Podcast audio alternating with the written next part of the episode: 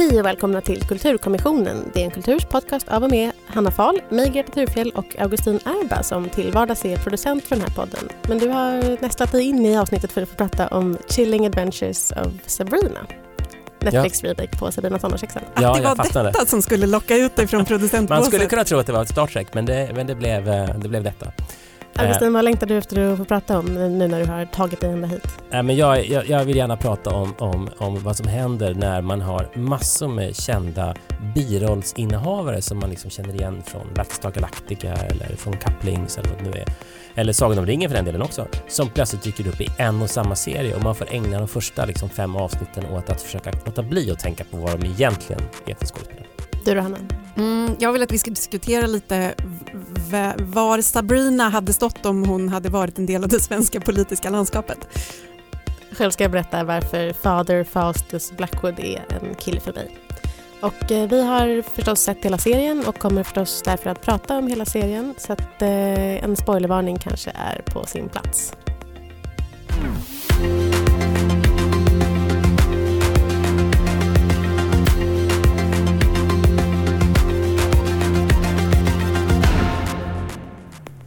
I Chilling Adventures of Sabrina står den 16-åriga halvhäxan Sabrina Spellman, spelad av Kiernan Shipka, inför ett val. Ska hon skriva in sig i The Book of the Beast, det vill säga sälja sin själ till djävulen i utbyte mot en häxas fulla krafter, eller fortsätta vara oberoende? Kan hon behålla sitt människoliv, sin människopojkvän och sina människovänner och samtidigt kämpa mot mörkrets krafter?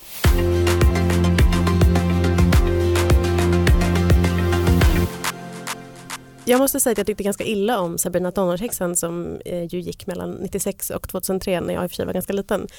Men eh, framförallt så hatade jag Sabrinas talande katt Salem. Jag vet inte, vad är, vad är er relation till eh, Sabrina tonårshäxan? In, det är inte originalserien men det är den som flest känner till. Um, alltså du var kanske möjligen lite för liten för den. Jag var möjligen lite för gammal för den. Uh, 96 var jag ju typ 17-18.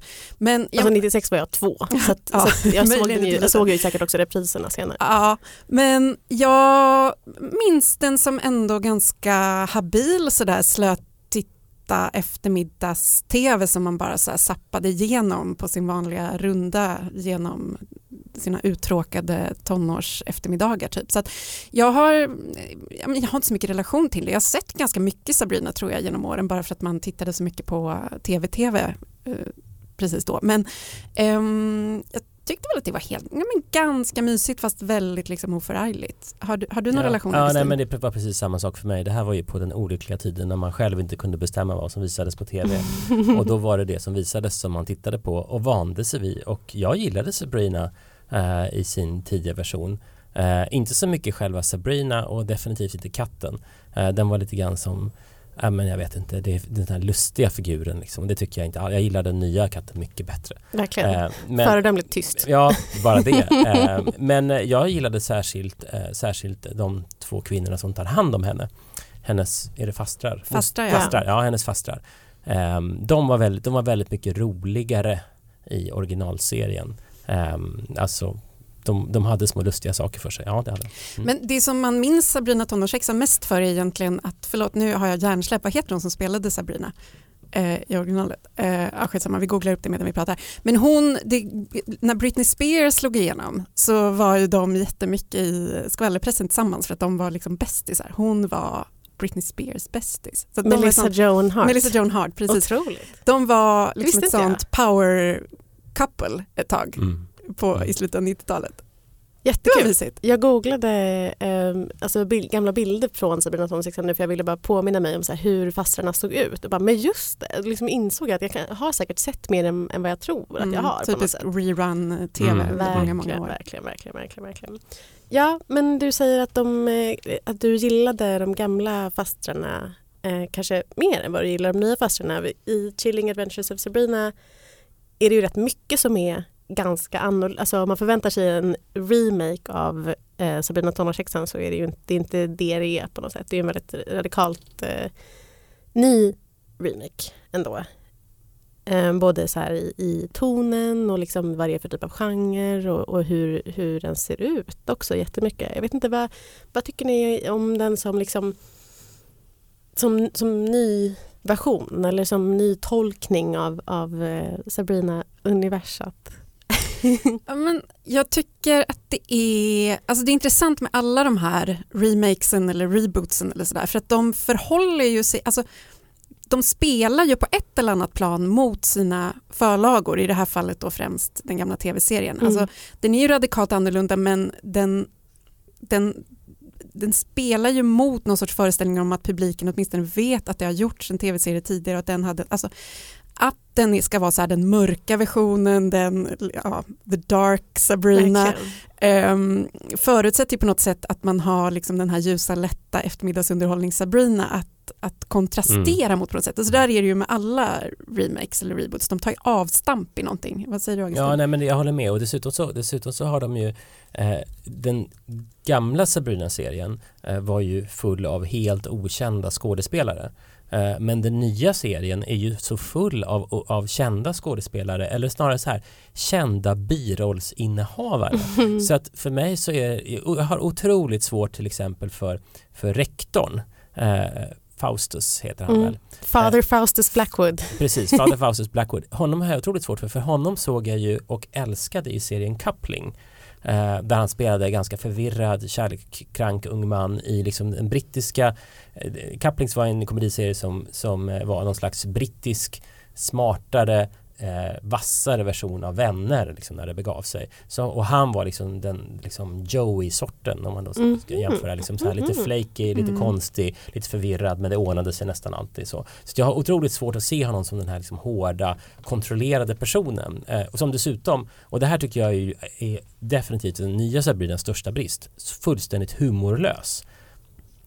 Ja, vad intressant. Eh, Jag gillade eh, Father Blackwood ganska mycket. Han är ganska mycket min eh, stil på kille. Men, eh, men det är Satanisk, ond, patriarkal, semi- hatar kvinnor. semi-attraktiv. Vill ha en huskvinna. Ja tack, ja tack. Ehm, nej men, så att, eh, men absolut, det är någonting med, med humorn. Den är, det är ju liksom, det är väldigt små så här, doser av så här, en liten rolig replik. Ja. Typ. Men jag tänker att det är för att, och det kan vi återkomma till också, men jag tänker att det är för att det inte är en serie för vuxna.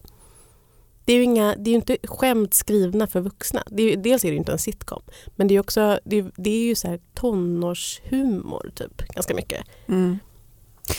Absolut är det det. Alltså, och, och den som får vara the comic relief är väl Aunt Hilda. Precis. Framförallt apropå liksom birolls, eller i och för sig huvudrolls, men hon, jag har ju svårt att se henne utan att tänka på Dawn i brittiska Office. Exakt, exakt. Det, och det här, är- ja, Men, men där är hon ju i och för sig också en semikomisk figur eh, och här är hon också semikomisk. Men hon får ju liksom bära Mm.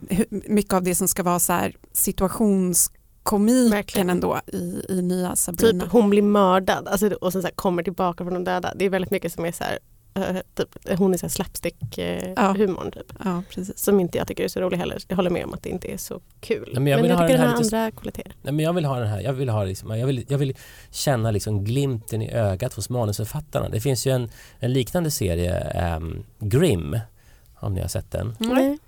Nej, okej, men den, den, den, den utspelar sig i, som om brö, sa- bröderna Grimms sagor var sanna fast i vår tid. Mm. Och där är det Just det, hela där. tiden liksom blinkningar till, till publiken, det är lite roliga formuleringar, det är dubbeltydigheter och sådana saker. Men här, här är det, det finns några scener som, som jag tycker har varit väldigt roliga i, i, i den nya Sabrina, men, men inte alls så många som jag skulle vilja. Det behöver liksom inte bli garv eller sitcom, men det kan ändå vara så här att, ja men, vänligt roligt. Mm, mm, mm. Mm, mm, ja, mm, jag tror Greta har i och för sig tror jag, en poäng i att det handlar om målgruppsanpassning. För att jag tror att den är roligare för sin målgrupp än vad den är för en eh, vuxen människa som jag. Ehm, Men jag men, tycker men att den har är, vi vissa... inte, är vi inte målgruppen? Jag har ju Mm. suttit klistrad. Nej, men jag har också suttit klistrad men, men jag, det är väldigt mycket som jag tycker att man märker är ungefär som att, alltså, Jag tänker mycket på när jag kollade på Glee som tonåring som verkligen var så här, då eh, jag var jag lite för gammal för Glee då också kanske men, men, eh, men att den är, man ser väldigt mycket som så här, det här hade jag älskat om jag var 13 eller 14. För det här är så här, och liksom, det, det är gjort på ett sätt att det talar väldigt mycket så här, direkt till ungdomen utan att så här, placera det här, så här lite smarta, halvironiska, liksom, skämtsamt också för vuxna eh, humorn eller liksom tonen. Mm. Men det är ett problem som jag tycker att den har möjligen är att den är, jag vet inte riktigt vad den svenska termen är, men pacing. Alltså Mm. liksom hur, man, hur den är Mm, det är inte riktigt tempot men liksom hur den är, Ja. ja, jag vet inte hur jag ska förklara det bättre Ja. än ordet pacing. Att den är, det är väldigt långa avsnitt och den är liksom väldigt ojämn i hur liksom, upp, spänningsuppbyggnaden och så här payoffen Mm. och sådär. Den, är lite, Verkligen. den hade mått bra av att klippas ner lite tror jag helt ärligt. För det första är det konstigt, för det är bara för bara för att man är ovan vid att se eh, liksom den här typen av serie och så är avsnitten så här en hel timme långa. Så det känns långt att sitta och titta på ett avsnitt. Men det är också någonting konstigt, jag håller med om det. Alltså inte just tempot utan så här hur de har lagt upp de olika avsnitten. Mm. Jag tänkte jättemycket på det till exempel i de ganska många avsnitt som handlade om den här gruvolyckan som hände framåt slutet. Att det aldrig tog slut och så här, man han kom tillbaka, man förstod exakt vad som skulle hända Ja, när Tommy Kinkel kom tillbaka. Alltså det, var liksom, det drog ut något ofantligt på tiden. Mm. Och det är ett avsnitt som är det här som utspelar sig inuti deras drömmar ganska Mm, mycket som är mm. ett sånt, det sticker ut ganska mycket det avsnittet Mm. för att det är ja, Sånt, eh, bot- bottle Konstigt för att det är ett sånt bottle episode. Ja, där ett bottle episode inte hör hemma på något sätt. ja.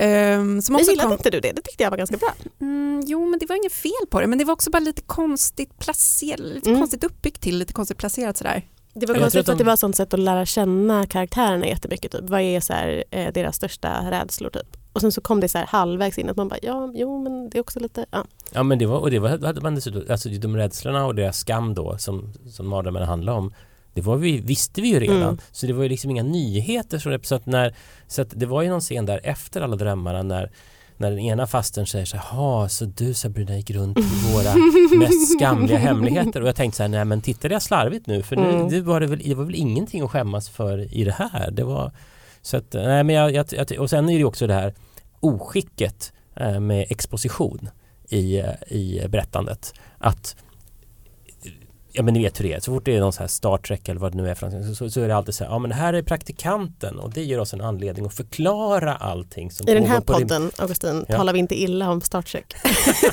Ja men, ja, ja, men okej, men, eh, men säg Battlestar Galactica då. Nej. Ursäkta, Det tycker jag är ganska okej, för det gillar inte jag så mycket. åt. Nu lämnar jag rummet.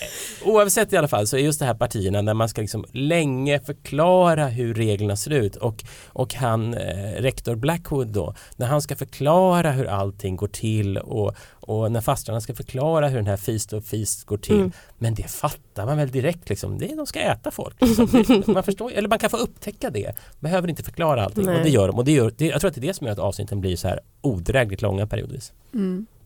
Jag, jag undrar, liksom, jag skulle vilja prata lite om hur serien förhåller sig till religion, för det är ett väldigt centralt ämne här ehm, på olika sätt. Vi har ju dels då den här satanistiska häxkulturen där man dyrkar Satan och eh, allting är väldigt svart.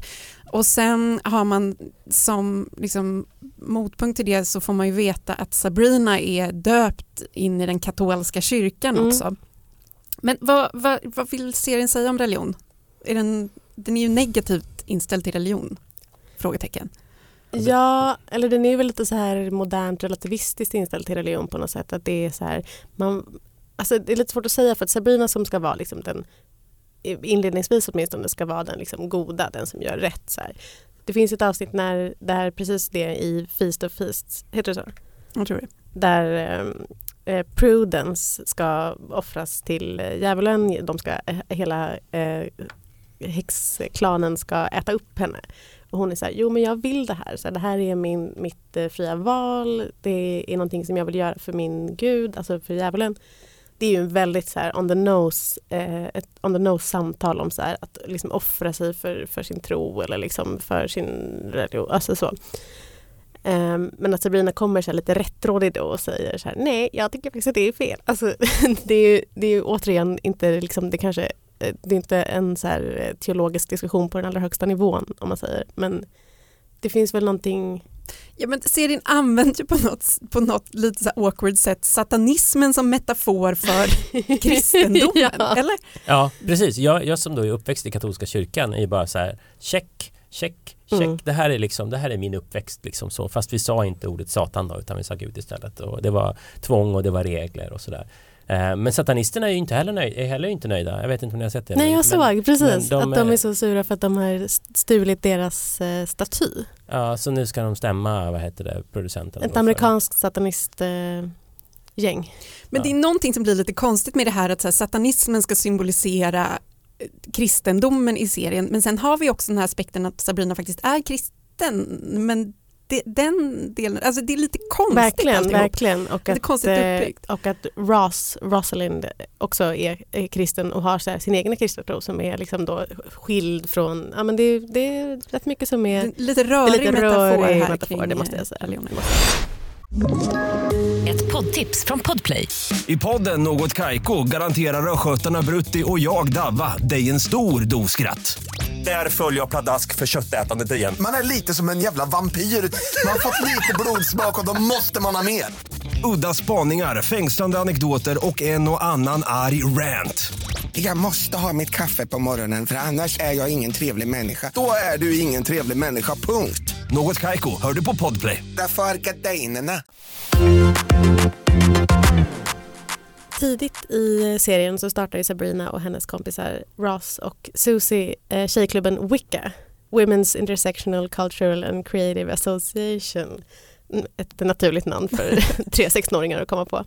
Ehm, det, den klubben får kanske inte så här överdrivet stor betydelse men, men jag tycker det är också någonting väldigt talande för så här, hur det väldigt tidigt etableras att så här, vi är det woka Sabrina. Eh, och hur man liksom förhåller sig till ja, men både till då föregångare som vi pratade om tidigare men också till eh, samtiden och så här, unga idag. Hur tycker ni att eh, konceptet eh, woke hanteras i, i serien Augustin? Eh, alltså jag eh, noterar att de, att de eh, jag hade någon fantasi när jag såg den här serien och, eh, och tänkte så här, tänk vad kul det skulle vara att sitta bredvid Timbro om de såg den här. Eh, Just för att det här liksom symboliserar ju allting som, som eh, en, liksom en viss grupp män ofta då avskyr. Kvinnor som samlas tillsammans och har en massa åsikter och dessutom kallar sig för feminister eller intersektionella eller vad det nu är för någonting. Ehm, så de hade nog blivit kränkta då och satanisterna blev ju kränkta, det har vi ju redan rätt ut här. Ehm, men jag vet inte 17 om, om, om jag vet inte, det, är- jag, jag tycker att det är roligt på ett sätt men samtidigt så, så, så läste jag en artikel i Mashable av eh, Yes Joho som menade på att, att, eh, att visst är den woke men bara på ytan för de har nämligen glömt bort alla, alla eh, de svarta kvinnor som faktiskt var de som förföljdes mest under häxprocesserna. Utan det blir liksom det ständiga här att den vita kvinnan det, det är den enda personen som kan liksom rädda liksom ett helt samhälle och så. Så så att eh, inte ens Mm. Inte ens eh, woke-nivån var tydligen tillräckligt hög. Mm, Nej, men du, jag läste ju på din och min favoritsajt babe.net också en artikel som, som handlade om att eh, Chilling Adventures är så här ögontjänar woke på något sätt. Att man, man klistrar på alla etiketter och sen så och eh, också utnämner Sabrina själv till en cis-het savior. Ja, men Alltså, alltså, återigen så tror jag verkligen bara på riktigt att det är, att det är en serie för tonåringar. men den är gjord för Tumblr-publiken. Den är ja. så skräddarsydd för Tumblr-tjejer. mm. Och, ja, men det är Så no- GIF-vänlig för tabletjejer. GIF-vänlig. Men det är ju något, alltså jag kan också bli väldigt, väldigt matt av så här, men den här, vad, alltså vad, kan man, vad mer kan man ändå begära av en serie? Alltså de har gjort, de har kämpat så Mm, hårt mm, för mm. the wokeness av denna serie och den är jättebra, den är jättebra på jättemånga sätt liksom, ur, ur den aspe- aspekten. Eh, om man vill gå in på enskilda rollfigurer så är ju Susie Putnam heter hon va? Mm. Eh, en av Sabrinas kompisar. Ja, men kanske den första så här rimligt skildrade icke-binära Mm. rollfiguren jag har sett på tv och det är väl otroligt att de har gjort det. Alltså, Verkligen. varje serie kan inte vara den perfekta.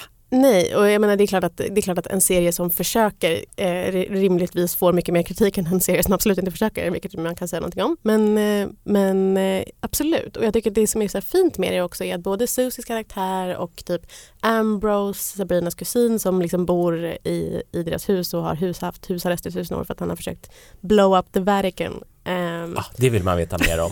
Man är så nyfiken Ja, på det, man vill se den spinoffen.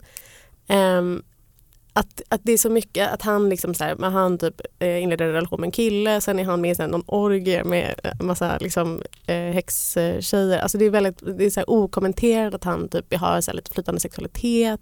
Det är mycket som jag tycker att det så här, inte görs en så stor grej av. Och samma sak med Susie. Det är klart att det, det förekommer ganska mycket när Susie just möter olika människor och de behandlar henne på olika sätt. Där. Men, men, det, men det är inte, det är liksom inte det, jag, ty jag, tycker att för att vara ganska on the nose så är det ganska eh, stillsamt, finkänsligt eh, skött. De betar ju också av nästan alla läggningar som i alla fall jag känner till.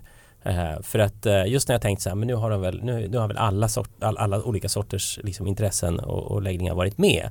Ehm, Eh, och, då, och då har Blackwood sin, sin one-on-one med, med, ja, med fasten. Piska varandra. ja, men, precis, och det, och det roliga med det är, är att, det, att först börjar med att han förklarar vad polyamorös är för mm. någonting. Och då tänker jag så här, för det vill han egentligen vara då, men hans fru har inte gått med på ett, en, jag citattecken i luften här, en öppen relation. Man anar att den skulle vara öppen mer för honom då än för henne. Eftersom hon också är höggravid med hans förstfödda inom äktenskapet. Ja, men, så, och sen är det det. Och sen, sen kommer ju faktiskt det som jag då nämnde tidigare, den enda riktigt roliga scenen när han säger så här, så nu måste du straffas och liksom med den nyosvansade piskan eller vad det nu är för någonting. Och hon ser först lite besvärad och tycker att det känns jobbigt och sen, och sen så börjar han ta av sig kläderna och säger sen och sen måste jag ju också straffas.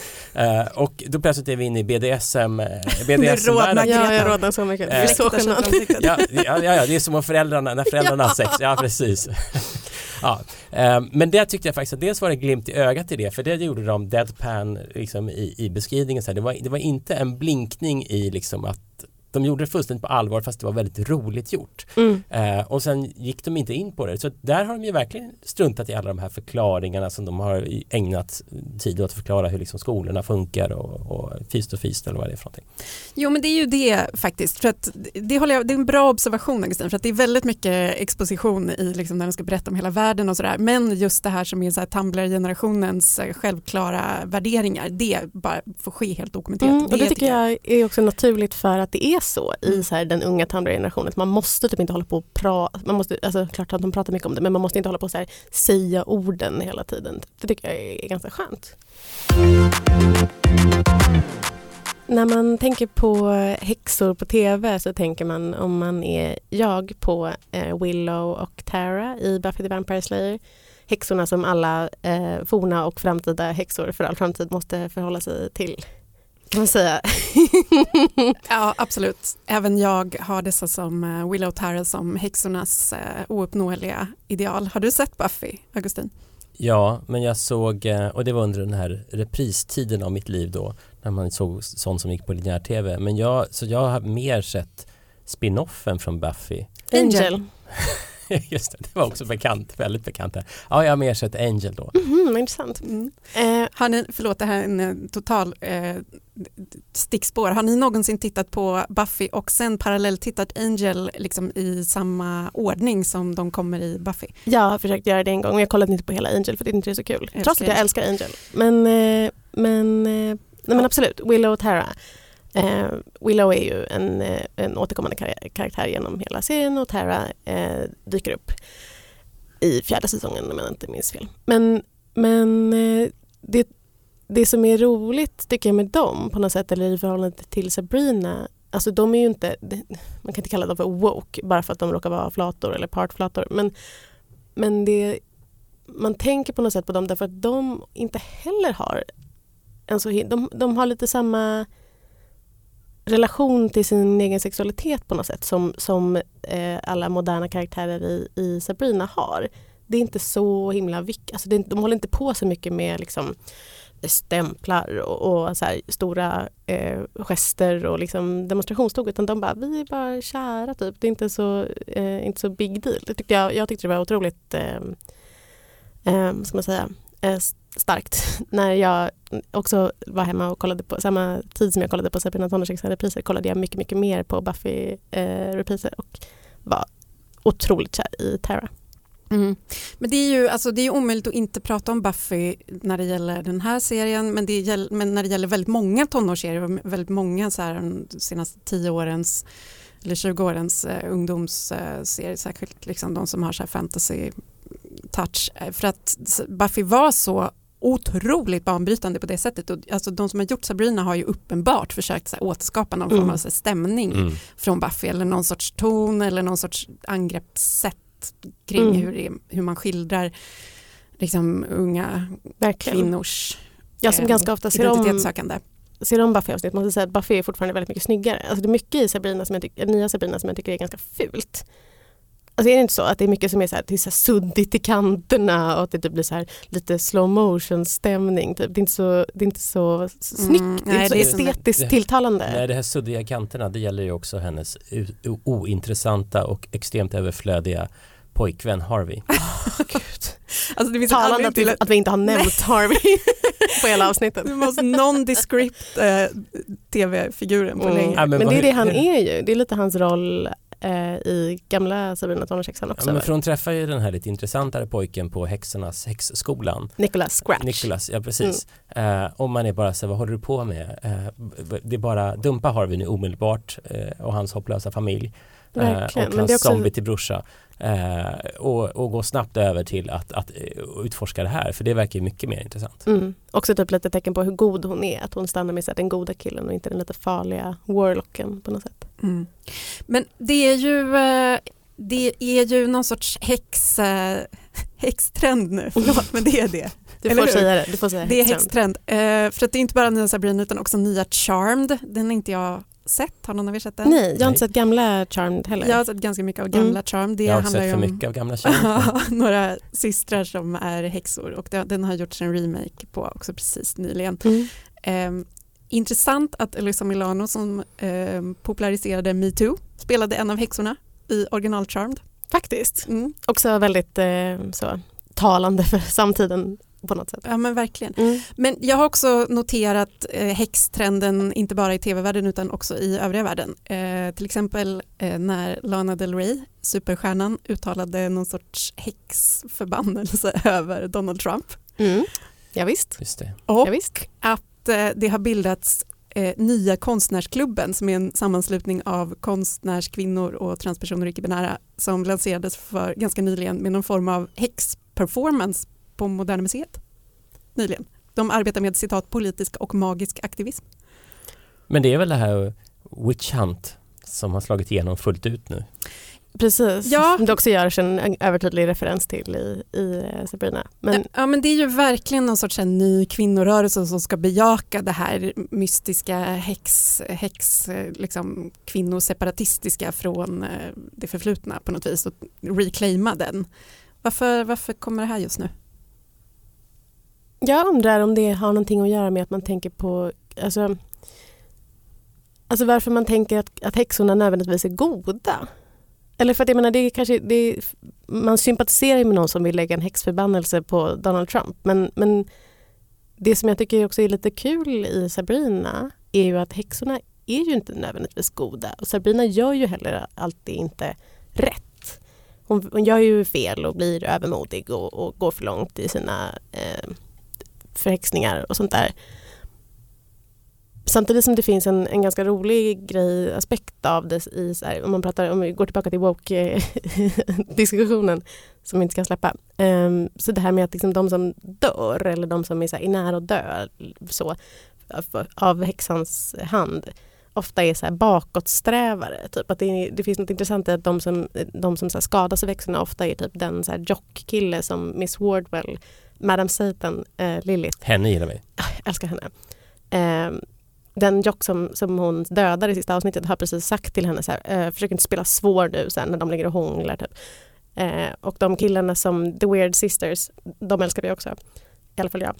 Eh, lockar ner i den här grottan så här, ganska i början. De har så här, kallat varandra för bög och det har varit jättemycket. De har mobbat Susie. Eh, det, jag tycker det är, det är kul på något sätt att, att serien gör så att man inte tycker så synd om dem som det går illa för.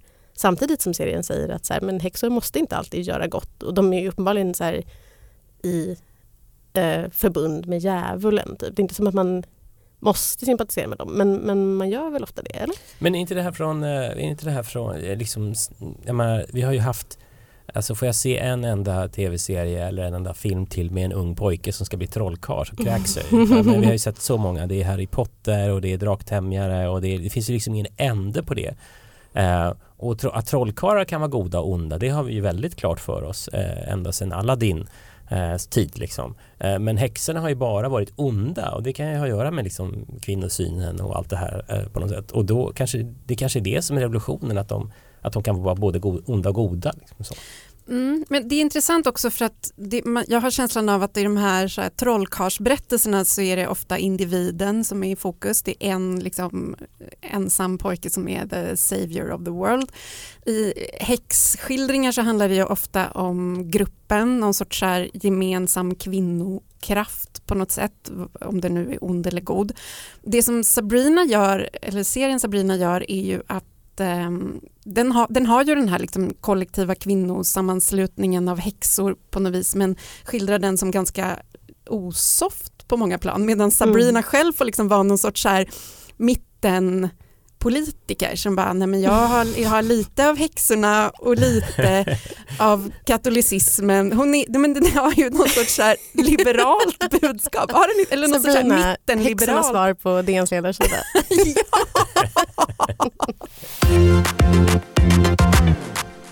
Timmen är slagen för Kulturkommissionens slutgiltiga dom. Jag skulle vilja veta vad du, Augustin, vill ge Chilling Adventures of Sabrina för betyg på DNs 0 till 5-gradiga skala. Um, nej men jag, jag prövar ju väldigt många av de här olika serierna som finns på HBO och Netflix och så. Jag brukar ge dem ett eller två eller tre avsnitt. Jag vet att vi hade ju en lång diskussion om, om Maniac som jag tröttnade Närmast ett gräl ja. Ja, eh, som jag tröttnade på efter tre avsnitt och du sa men kolla fram till avsnitt sju och då var de utklädda till Alvar allihopa och då var det så här nej nu tyvärr så orkar jag inte med det här längre. Eh, så dögade vi upp. Så jag, men men eh, Sabrina eh, fastnade jag för direkt. Det är också därför jag krävde att få med i podden och mm. prata om den. Mm. Eh, för att, eh, nej så att jag ger den en, en fyra. Du då Hanna? Um, jag tycker också väldigt mycket om Sabrina. Den har mycket hjärta och den är eh, lätt-tittad och eh, ganska engagerande. Men jag måste nog, jag, får, jag nöjer mig nog med en trea. En trea med ett liksom, starkt hjärta bakom. Mm. Jag är lite inne på samma spår. Jag tänker att den får nog en trea därför att den är ju i grund och botten som jag konstaterat en tonårsserie. Den har inte berört mig på ett djupare plan så. Men den får nog ändå en femma i så här mys halloween-mys. Jag tänkte lite på den som så här, eh, Stranger Things fast för mig. Jag gillade inte Stranger Things så mycket. Men eh, eh, Sabrina, otroligt eh, mysig. Måste också säga innan vi slutar, eh, och det här är jag ledsen att jag berättade för dig på förhand, men, men eh, främst gillade jag den här serien jättemycket för att eh, Miranda Otto som spelar Eowyn i Sagan om ringen-filmerna är eh, faster eh, Zelda. Och helt otroligt det Helt hade, otroligt. Mind blown av denna information. Jag hade inte känt igen älskar henne så mycket. Då har det blivit dags för den stående punkten veckans bästa mening. Hanna, vill du börja med att berätta om den mening som du har tagit med dig den här veckan? Mm. Eh, den är på engelska, det är från eh, Twitter. Den lyder så här. This is literally just a graph proving people had to google your dumb ass to figure out who you are. och det här, det, här, det här tweetet känner jag är en eh, väldigt perfekt så här, samtidsskildring.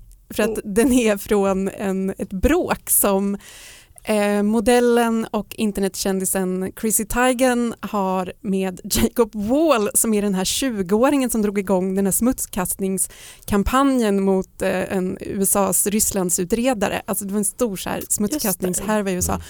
Eh, Chris Teigen och Jacob Wall började bråka på Twitter. Det är totalt osannolikt så här, möte av... Bara på Twitter. bara ja, på Twitter. Men, och eh, Chrissy Teigen ägde honom så himla hårt. Det var så mm. otroligt mysigt. Det här tweetet när hon säger det här är bara en graf som bevisar att folk var tvungna att googla din, din dumma röv för att få veta vem du är. Det är när Jacob Wall försökte liksom snärta till Chrissy Teigen genom att visa så att han är mycket mer efter, många fler som googlar på hans namn just nu genom att skärmdumpa en graf ah, från Google Trends. Googla på hans namn än på hennes namn. Mm, fler googlar på hans namn. Det var faktiskt en väldigt bra burn. Otroligt bra He burn. played himself. Ja, sannerligen. Eh, jag kan rekommendera hela det här lilla bråket på Twitter för att som sagt det var som ett, en liten installation som säger väldigt mycket om samtiden. Augustin?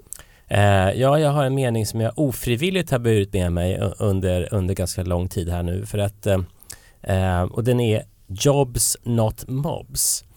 Och det här har blivit Republikanernas stora, stora slagord inför valet som ju precis har ägt rum det började som, som eh, liksom någonting ute i de ytterkanterna, högerytterkanterna på nätet. Eh, jobs, not mobs. Jobs är då meningen, tanken då att, att det handlar om att liksom, arbetslösheten är rekordlåg i USA. Det är bra för Donald Trump. Så. Eh, och mobs, det är vad man vill, eh, hur man vill beskriva vänstern som, eh, alltså det vill säga demokraterna. Eh, det vill säga att de är eh, the alt left som Mm, de kallar det för. mm. Eh, att de är liksom oregerliga och så vidare. Så att jobs not mobs eh, och det har liksom fastnat i mitt huvud. Och så läste jag en analys av, av det där, vad beror det på att det fastnade så bra? För det, hamnade, det gick ju hela vägen från något litet stackars forum på nätet och hela vägen till Donald Trump som retweetade det.